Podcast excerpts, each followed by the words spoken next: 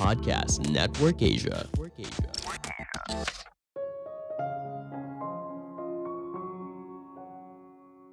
Orang yang jenius bukan karena kecerdasan atau bakatnya yang luar biasa, namun karena kebiasaan uniknya yang membuat dia dikenal sebagai orang yang jenius.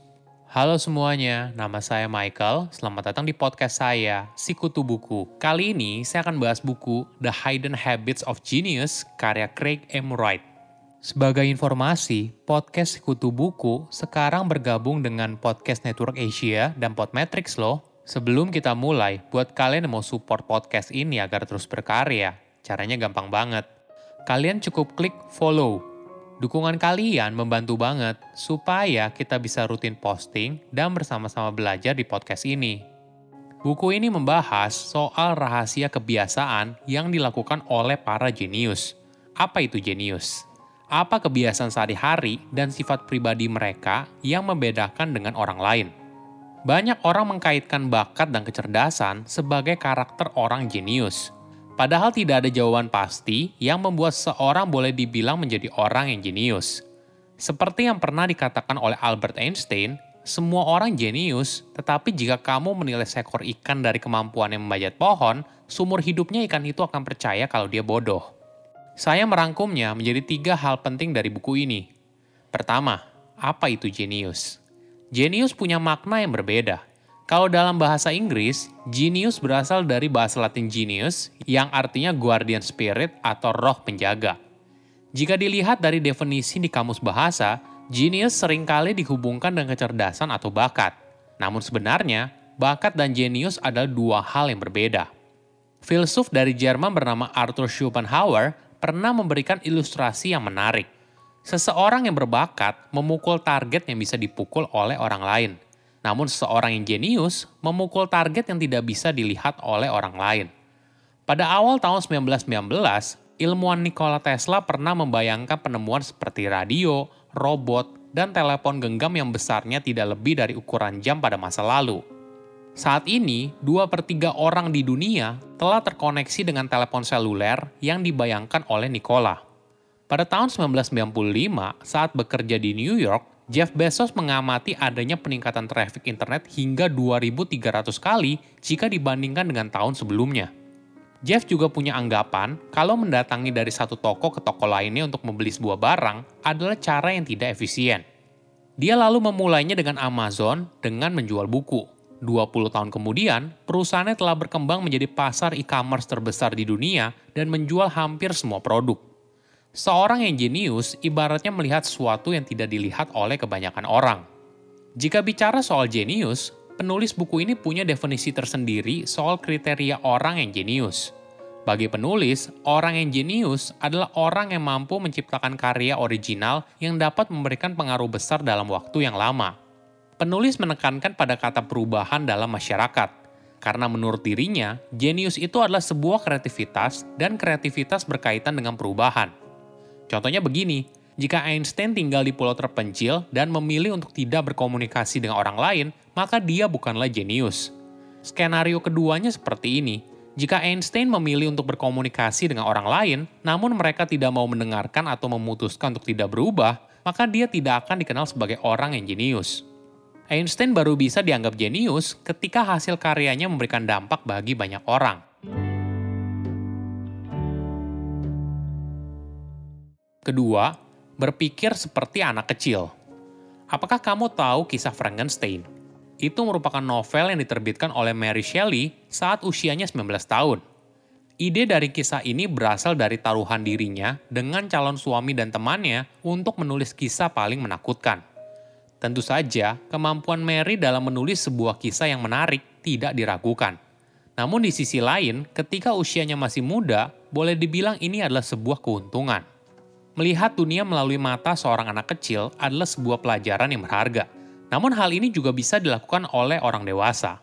Mereka bisa kembali melihat dunia dari mata seorang anak kecil. Ada contoh yang menarik dari Pablo Picasso yang baru menciptakan mahakarya ketika dewasa. Picasso kecil merupakan anak yang berbakat. Ayahnya membimbing dia untuk melukis sejak kecil. Walaupun lukisannya begitu sempurna, Picasso merasa ada yang kurang, yaitu soal terobosan atau sesuatu yang baru. Dia mulai mencoba untuk keluar dari kerangka ilmu yang diajarkan oleh ayahnya sedari kecil dan mulai melukis dengan lebih berani seperti yang kita kenal sekarang. Picasso pernah berkata, setiap anak adalah seniman. Tantangannya adalah untuk tetap menjadi seniman saat kita tumbuh dewasa. Ketika saya masih kecil, saya bisa melukis seperti Rafael, tapi butuh waktu seumur hidup untuk melukis seperti anak kecil.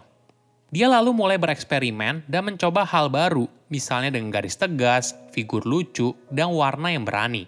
Hingga akhirnya, karyanya bisa dikenal hingga sekarang.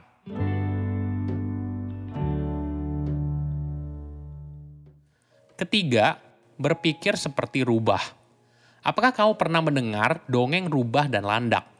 Ini merupakan kisah dongeng yang berasal dari perumpamaan Yunani kuno Intinya adalah rubah tahu banyak hal, sedangkan landak hanya fokus pada satu hal yang besar.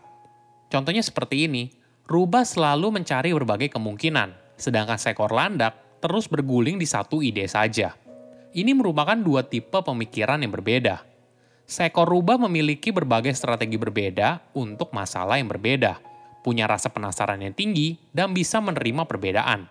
Sedangkan seekor landak fokus pada satu masalah yang besar, membaginya menjadi berbagai bagian kecil untuk mencapai satu solusi yang besar. Salah satu kebiasaan terpendam dari seorang jenius adalah cara berpikir seperti rubah. Seorang jenius biasanya suka mengeksplorasi dan memiliki rasa penasaran yang tinggi terhadap berbagai hal. Dia biasanya dikenal sebagai polimatik, seseorang yang pengetahuannya tidak terbatas hanya pada satu bidang. Seorang polimatik juga dapat diartikan sebagai seorang yang memiliki wawasan sangat luas. Wawasan ini lalu mendorong gabungan berbagai hal sehingga mampu menciptakan sesuatu yang baru.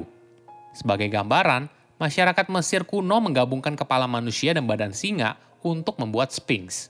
Penemu dari Yunani kuno bernama Archimedes menggabungkan sekrup dan pipa untuk menghasilkan sekrup Archimedes, sebuah mesin yang dapat mengangkut air ke tempat yang lebih tinggi sehingga bisa berguna bagi irigasi atau bantuan banjir.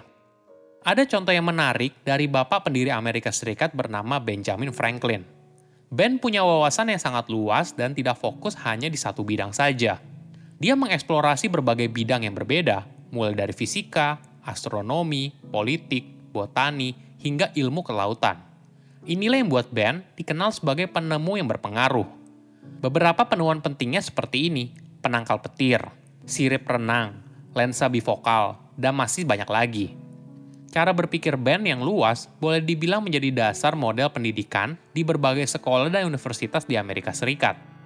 Di kemudian hari, model pendidikan ini dikenal dengan nama Liberal Arts Education.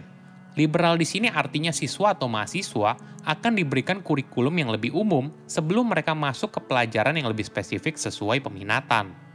Pola pikir seperti rubah juga banyak diamini oleh para pengusaha sukses di dunia – Jack Ma bercerita tentang nasihat kepada anaknya, kalau anaknya tidak perlu masuk dalam tiga besar di kelas. Menjadi siswa dengan ranking di tengah-tengah sudah cukup baik, selama nilainya tidak jelek. Hanya siswa yang berada di ranking tengah punya banyak waktu untuk belajar keahlian lain. Genius itu bukan soal kecerdasan atau bakat. Genius adalah ketika seseorang mampu menciptakan karya original yang dapat memberikan pengaruh besar dalam waktu yang lama. Saya undur diri, jangan lupa follow podcast Sikutu Buku. Bye-bye. Pandangan dan opini yang disampaikan oleh kreator podcast, host, dan tamu tidak mencerminkan kebijakan resmi dan bagian dari podcast Network Asia. Setiap konten yang disampaikan mereka di dalam podcast adalah opini mereka sendiri dan tidak bermaksud untuk merugikan agama, grup etnik, perkumpulan, organisasi, perusahaan, perorangan, atau siapa pun dan apa pun.